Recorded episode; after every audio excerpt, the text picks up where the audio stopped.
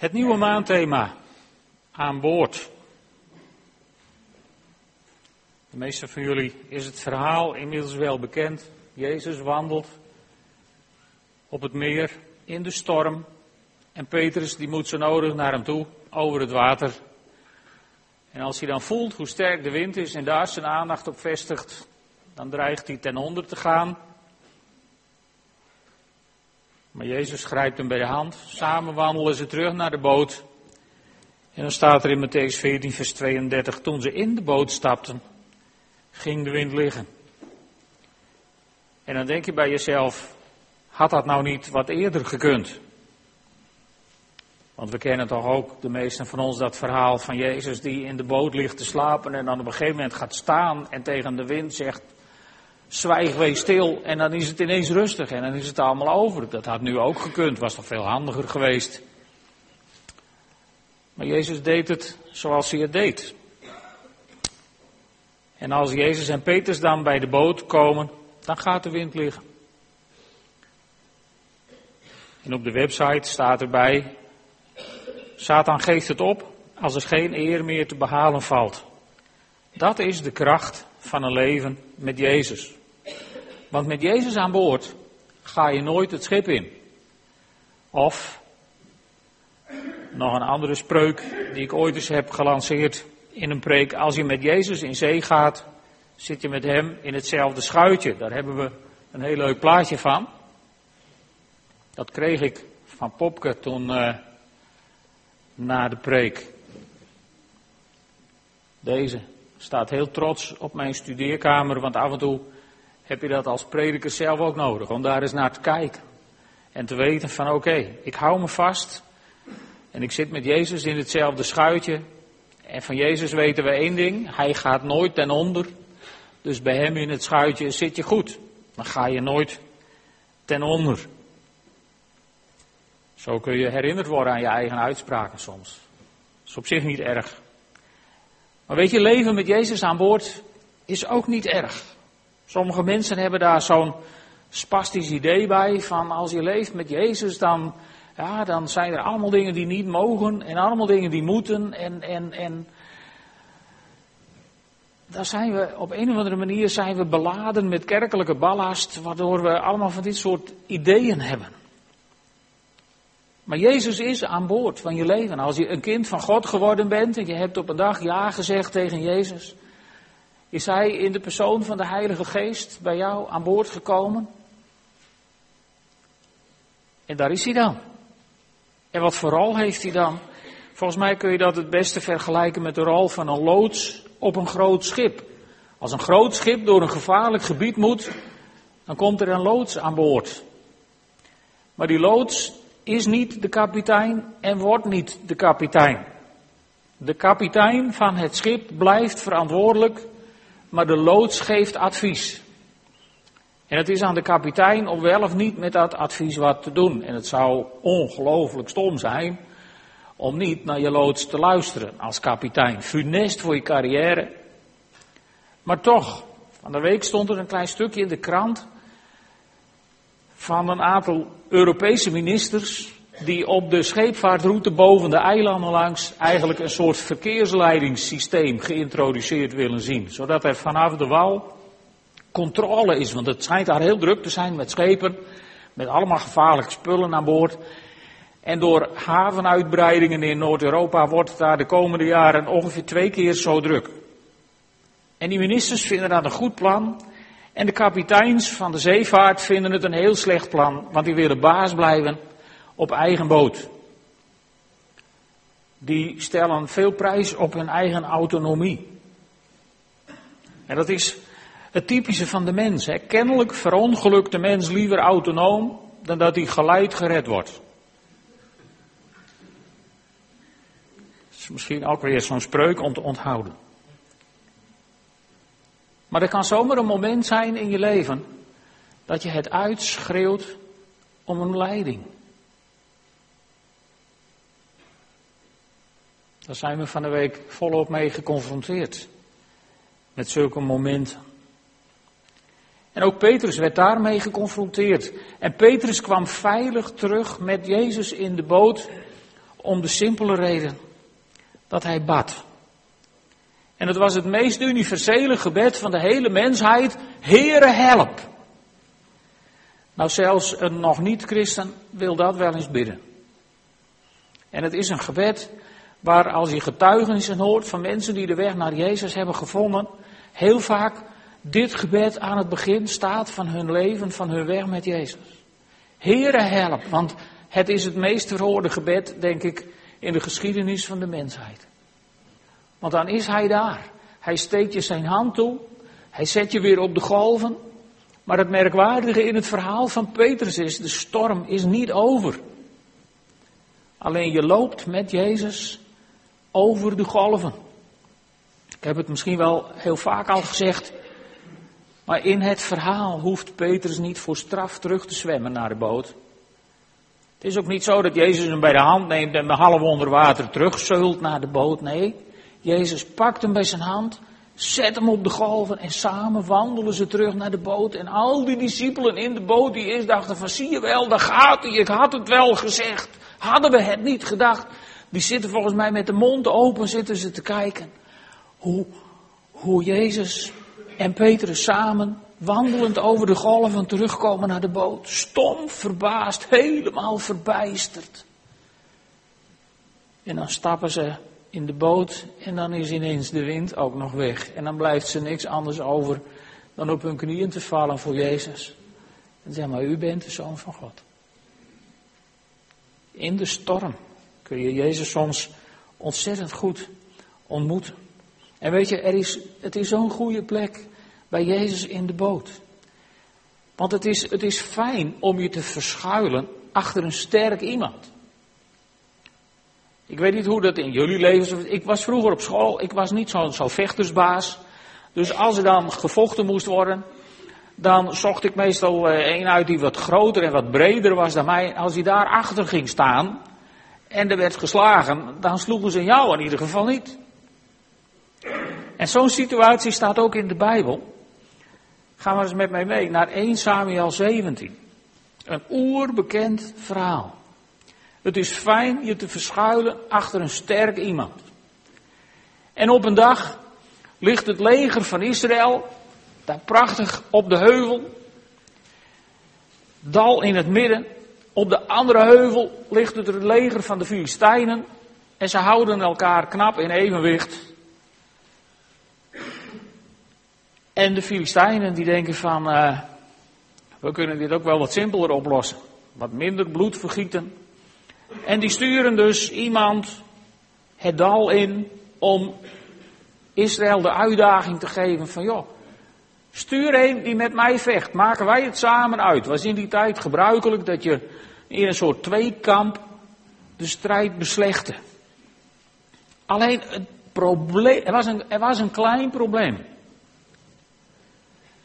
Die kampvechter van die, van die Romeinen, die was 6 L hoog. Dan was een L misschien, tegenwoordig denken wij een L is 60 centimeter. Een oud-testamentische L, die was geen 60, die was wat korter. Maar goed, laat het zijn, Goliath zat tegen de 3 meter. Zou een goede basketballer geweest zijn vandaag de dag, hè? Ik bedoel, die zou zo, plop, balletje erin. Wie doet je wat? Maar goed, Goliath was geen basketballer, hij was, hij was kampvechter. Een metertje of drie. En de meeste Joden waren een slagje korter. Dus er was niemand die veel moed had om Goliath tegemoet te treden. En de Filistijnen, die voelden zich sterk. Die hadden zich verscholen achter een sterk iemand. Drie meter lang, in verhouding waarschijnlijk ook breed. En een joegel van een speer en een groot zwaard en een, uh, nou ja, van alles erop en eraan. Waar je niet naartoe wilde. En de Filistijnen voelden zich veilig. Die schuilden bij een sterk iemand. En toen kwam daar een jong ventje. En die komt hem tegemoet. En daar wil ik een paar versen met jullie overlezen. Vers 45 beginnen we. Dat niet zo grote ventje heette, heette David. David was nog jong. Hij was herder. Lang geen drie meter. Niet gepanzerd. En die stapt op Goliath af met deze woorden. Jij daagt me uit met je zwaard en je lans en je kromzwaard, antwoordde David. Maar ik daag jou uit in de naam van de Heere van de hemelse machten, de God van de gelederen van Israël, die jij hebt beschimd. Met andere woorden, ook David schuilde achter een sterk iemand. En hij zei, vandaag zal de Heer aan mij uitleveren. Ik zal je verslaan en je hoofd afhouden en ik zal de lijken van de Filistijnen aan de aasgieren en de hyena's ten prooi geven, zodat de hele wereld weet dat Israël een God heeft. Dit was in strijd met de rechten van de mens, maar goed. Dan zal iedereen hier beseffen dat de Heer geen zwaard of lans nodig heeft om te overwinnen, want Hij is degene die de uitslag van de strijd bepaalt. En Hij zal ons, Hij zal jullie aan ons uitleveren. Ook David schuilde bij een krachtig iemand. Hij schuilde bij de Allerhoogste. En, uh, en hij zei, iedereen zal beseffen dat de Heer geen lans of een zwaard nodig heeft om te overwinnen, want Hij is degene die de uitslag van de strijd bepaalt. Tegenwoordige tijd. Is God in jouw leven degene die bepaalt? Heeft God überhaupt in in jouw leven wat te zeggen? Heeft God iets te zeggen in de situatie waar je in zit? Heeft God iets te zeggen in de situatie waar Lambert in zit?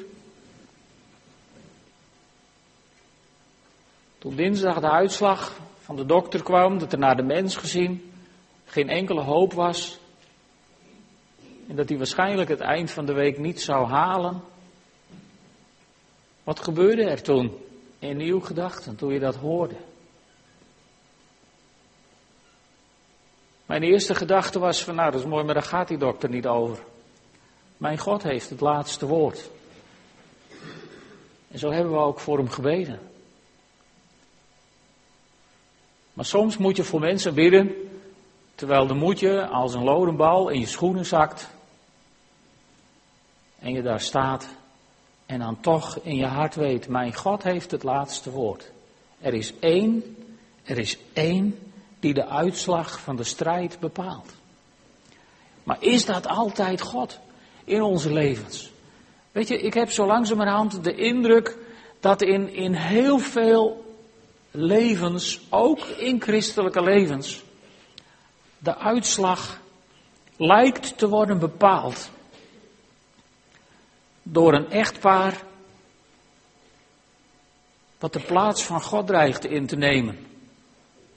U kent ze allemaal. Dat echtpaar. Ze hebben twee hele sprekende namen. Ze heten Euro en Agenda. Ja. En vaak zijn ze belangrijker in ons leven dan het plan van God. Vandaag zijn er heel veel mensen die, die, die misschien wel een slapeloze nacht achter de rug hebben en vandaag echt hun dag niet hebben. Met de verkiezingen in Frankrijk en met verkiezingen in, in, in, in, in hoe heet het daar, in Griekenland. Want we maken ons ernstig zorgen over euro. En dat past niet in onze agenda. Maar God is degene die de uitslag van de strijd bepaalt. Lieve vrienden, en of die strijd zich nou afspeelt in de stembureaus in, in Frankrijk, in de stembureaus in, in, in Griekenland, of in die ziekenhuiskamer hier in IJsmelingen. God is degene die de uitslag van de strijd bepaalt.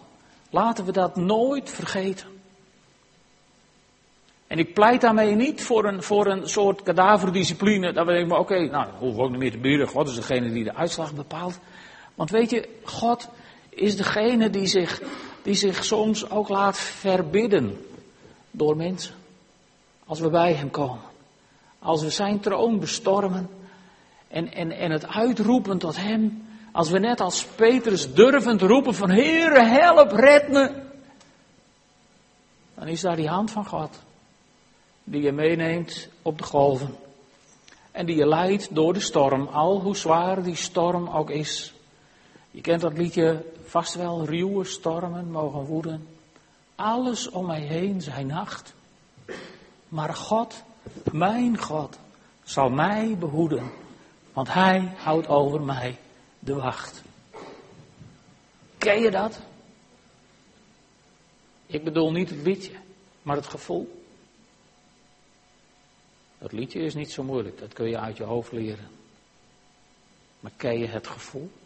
Is het de zekerheid in jouw leven als de grond onder je voeten dreigt weg te zakken? Is dan dat vertrouwen daar?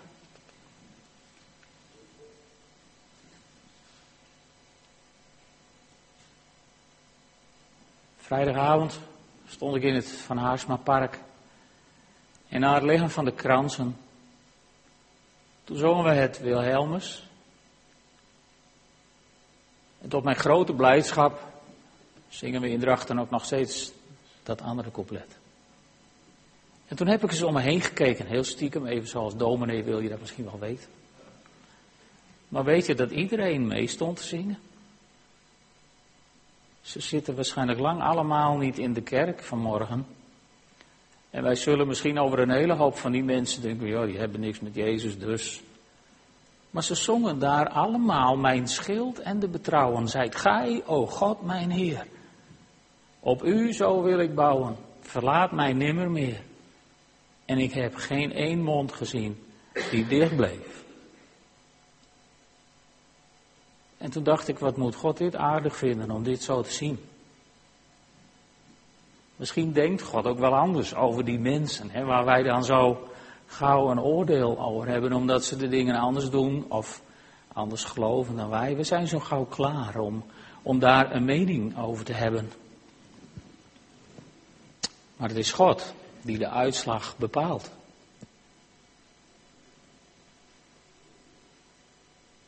En wat mij opvalt is dat wij vaak geneigd zijn om ons gedachten te vormen over de uitslag die God in de levens van andere mensen bepaalt. En als ieder nou eens bezig zou zijn met de uitslag van zijn eigen leven, die God bepaalt en die anderen aan God overlaat, zou Jezus dan niet bij machten zijn om oneindig veel meer te doen dan wij kunnen bidden of beseffen, zoals Wil de Jong vorige week zondag doorgaf als woord van de Heer? Zouden we niet wat meer ons toevertrouwen aan God? Bij Hem schuilen en onze kracht zoeken bij Hem? Want er is kracht in het bloed van het lam. Of geloof je dat niet meer misschien? Ik wil een psalm met jullie lezen, psalm 91.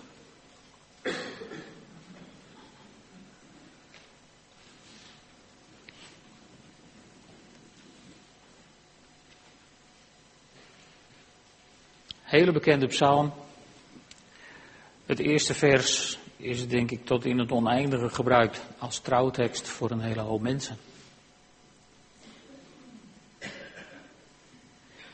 Wie in de beschutting van de Allerhoogste woont en overnacht in de schaduw van de onzagwekkende, zegt tegen de Heere, mijn toevlucht, mijn vesting, mijn God, op u vertrouw ik. Hij bevrijdt je uit het net van de vogelvanger en redt je van de dodelijke pest. Hij zal je beschermen met zijn vleugels. Onder zijn wieken vind je een toevlucht. Zijn trouw is een veilig schild. De verschrikking van de nacht hoef je niet te vrezen. Ook de pijl niet die overdag op je afvliegt. Noch de pest die rondwaart in het donker nog de plaag die toeslaat midden op de dag. Al vallen er duizend aan je linkerzijde en tienduizend aan je rechterhand, jou zal niets overkomen. Open je ogen en zie hoe wie kwaad doen worden gestraft. U bent mijn toevlucht, Heer. Als je mag wonen bij de Allerhoogste, zal het kwaad je niet bereiken, geen plaag je tent ooit treffen. Hij vertrouwt je toe aan zijn engelen die over je waken waar je ook gaat. Hun handen zullen je dragen, je voet zul je niet stoten aan een steen. Leeuw en adder zul je vertrappen, roofdier en slang vermorzelen. Ik zal bevrijden wie mij lief heeft en beschermen wie met mijn naam vertrouwd is. Roep je mij aan, ik geef antwoord. In de nood zal ik bij je zijn, je bevrijden en met roem overladen. Je overvloed geven van dagen. Ik zal je redding zijn.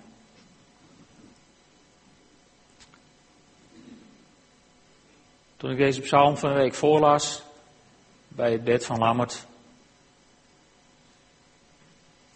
toen kwam ik die laatste zin tegen. En ik weet niet of je je kunt voorstellen hoe dat dan gaat. Maar je ogen zien hem en je lippen spreken hem uit. En je verstand, dat springt in alle bochten. Van wat lees ik hier? Wat staat hier? Want de dokter heeft gezegd. Maar de dokter heeft niet het laatste woord. Mijn God heeft het laatste woord. Want hij bepaalt de uitslag van de strijd. En aan de andere kant, ook als een mens, zeg maar, dit leven verlaat en verhuist naar de woning die Jezus voor hem heeft bereid, dat weten we toch allemaal, of niet? Uit de Bijbel. Ook dan is deze psalm van toepassing. Want wie in de beschutting van de Allerhoogste woont en het leven beschouwt vanuit het perspectief van de ontzagwekkende, die ziet anders naar dit leven. Of niet? Als je door de Heer wordt thuisgehaald, lieve vrienden, dan heb je een overvloed van dagen. Daar is geen eind meer aan. Als de Heer je thuis haalt, heeft de vogelvanger je dan in zijn net gevangen? Nee, toch zeker? Dan heeft God je toch door zijn engelen laten dragen. Naar een plek waarvan je zegt: oké, daar gaan we straks naartoe, maar nu liever niet. En dat is logisch. Wij zijn gemaakt om te leven. God heeft ons geschapen en hij heeft zijn levensgeest in ons geblazen.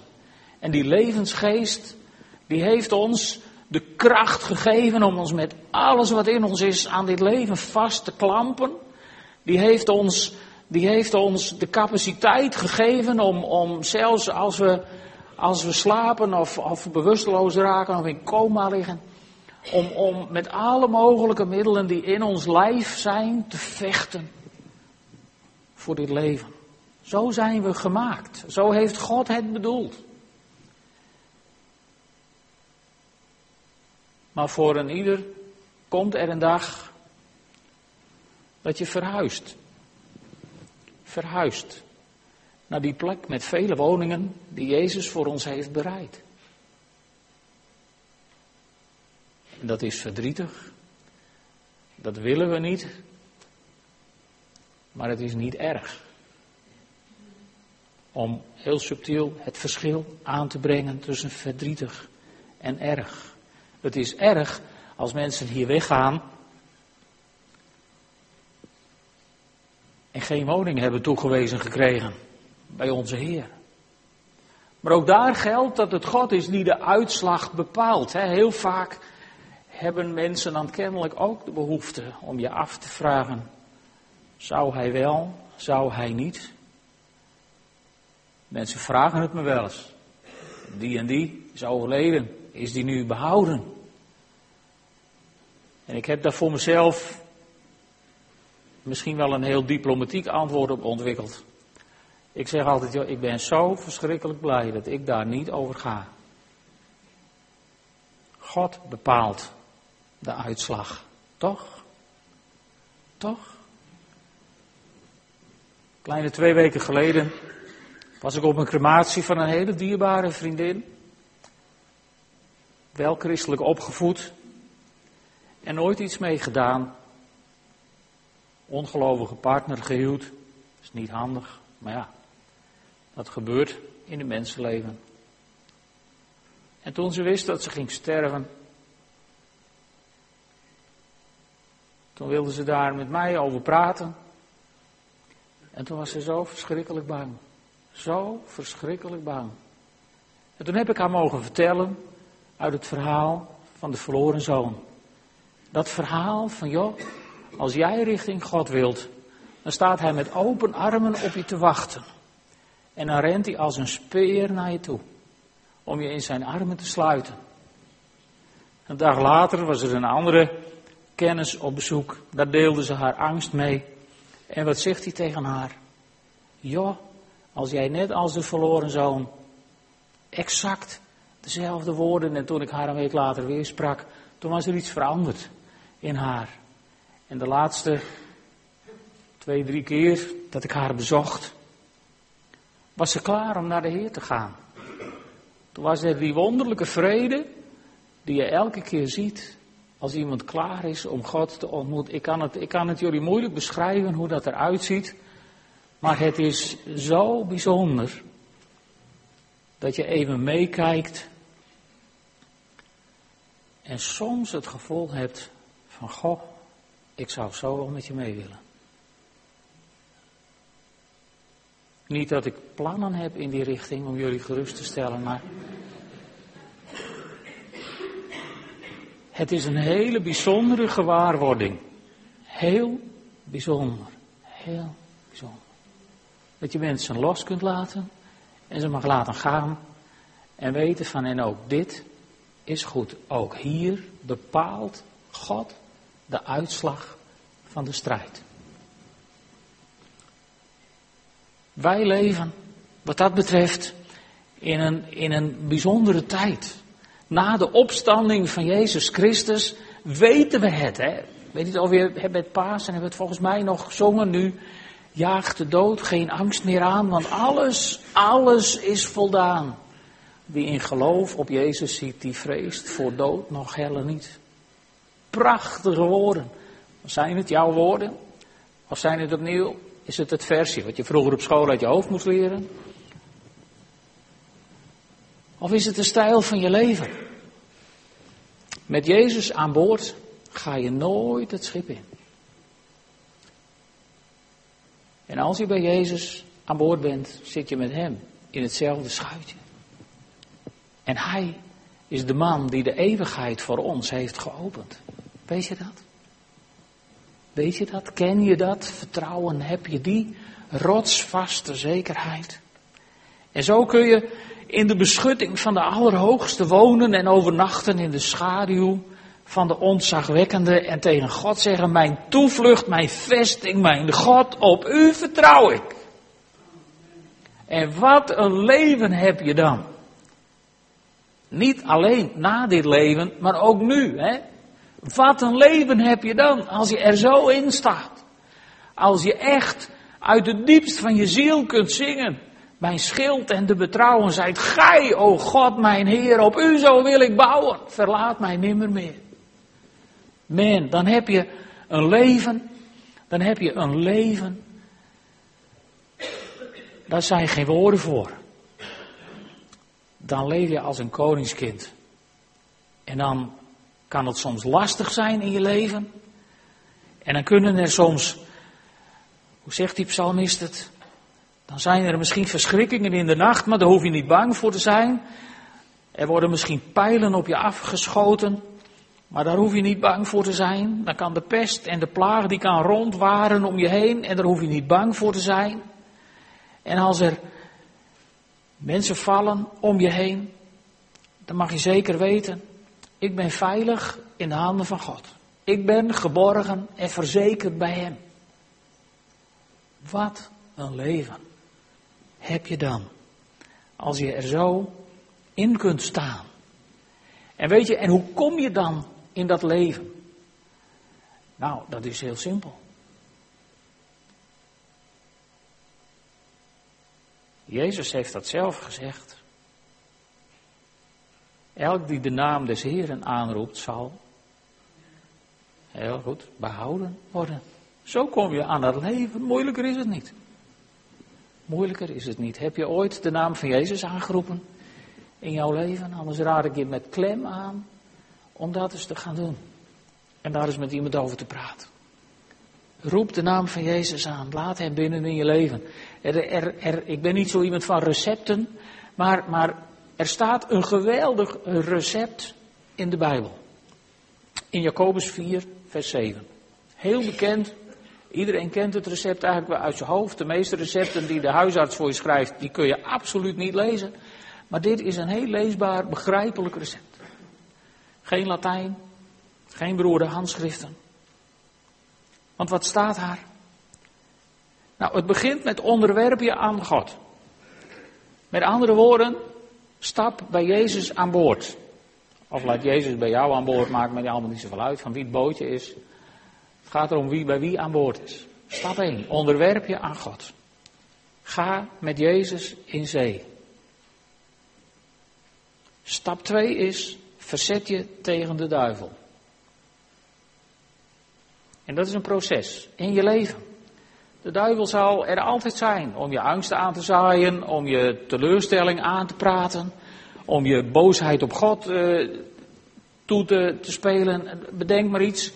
Hij zal er altijd zijn om iets tussen jou en God te doen.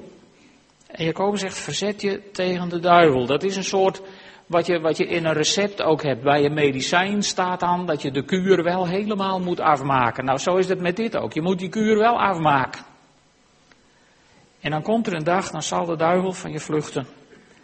Want dan ben je namelijk met Jezus aangekomen bij de boot. En dan stap je in de boot en dan gaat de wind liggen. Mooi hè? Dan gaat de wind liggen. En dan blijft er dat diepe besef over. U bent de zoon van de levende God.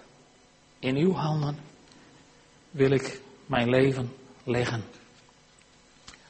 En dan wordt je leven geleid door Jezus Christus. En ik kan je uit de grond van mijn hart verzekeren, een leven geleid door Jezus Christus is vele malen beter dan een leven geleid door euro en agenda. Laat dat echtpaar zijn gang gaan en wijd je leven toe aan Jezus. Stort je in zijn armen. Schreeuw het desnoods uit, Heere help.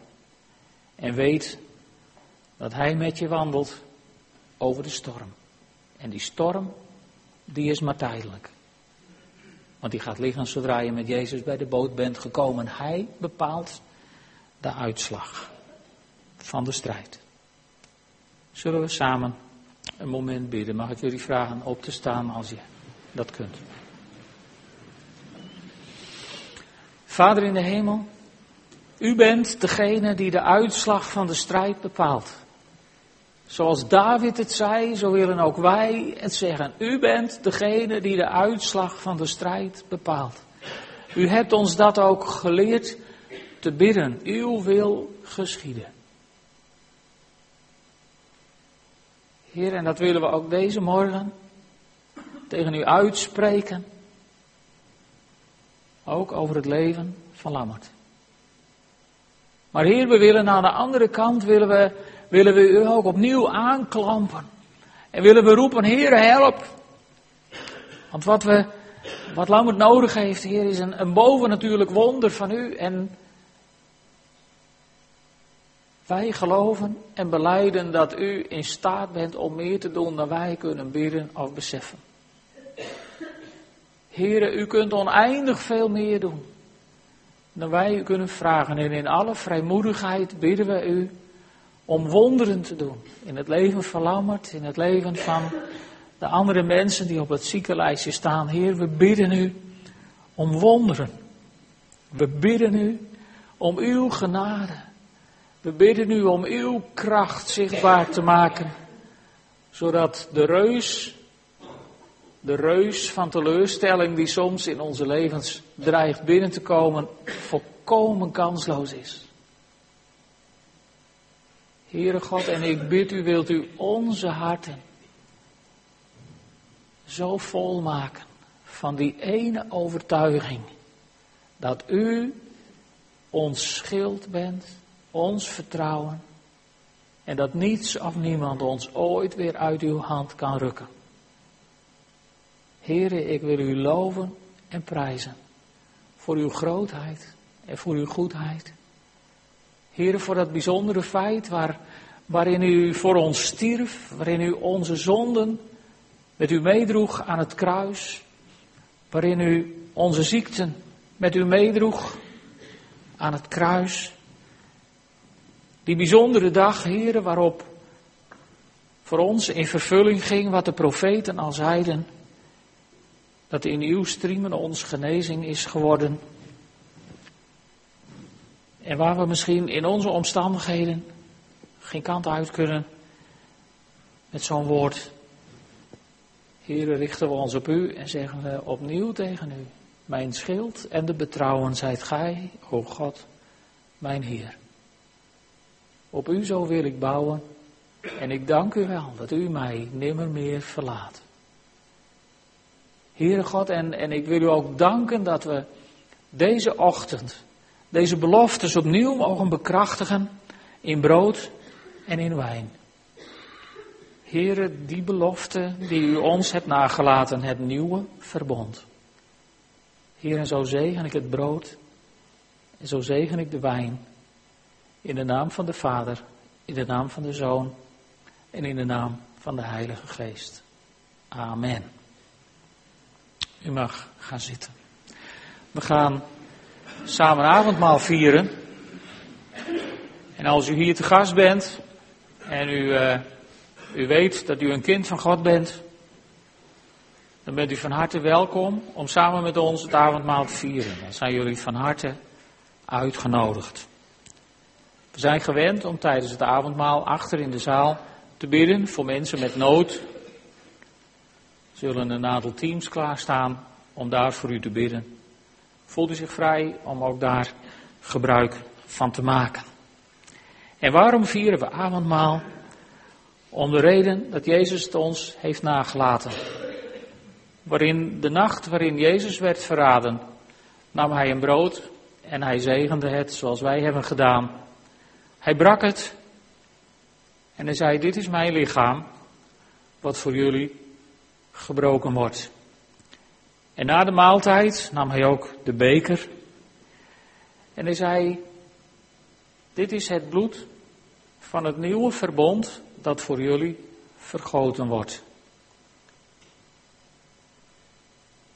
En bij brood en wijn schrijft Paulus het zo mooi. Doe dit elke keer wanneer gij dit doet, om mij te gedenken. Want elke keer als je van het brood eet en uit de beker drinkt, verkondigen wij de dood des Heren, totdat Hij komt. Met andere woorden, dit is het teken van hoop. Het verbond waardoor wij toegang hebben tot de woning die voor ons in de hemel is klaargemaakt. En tot die tijd kunnen wij leven op deze aarde in de kracht van het bloed en in de kracht van het brood. Amen. Ik wil de mensen die gevraagd vrijgemaakt zijn door u. Heren, dat we vrijgemaakt zijn doordat u uw leven voor ons gaf. En ik dank u wel dat we in die vrijheid de weken in mogen die voor ons ligt, dragende uw zegen. De Heere zegent u en hij behoedt u. De Heer verheft zijn aangezicht over u en hij is u genadig. De Heer laat het licht van zijn aanwezigheid in u schijnen. En hij geeft u zijn shalom. Amen. Volgens mij zingen we het Wilhelms.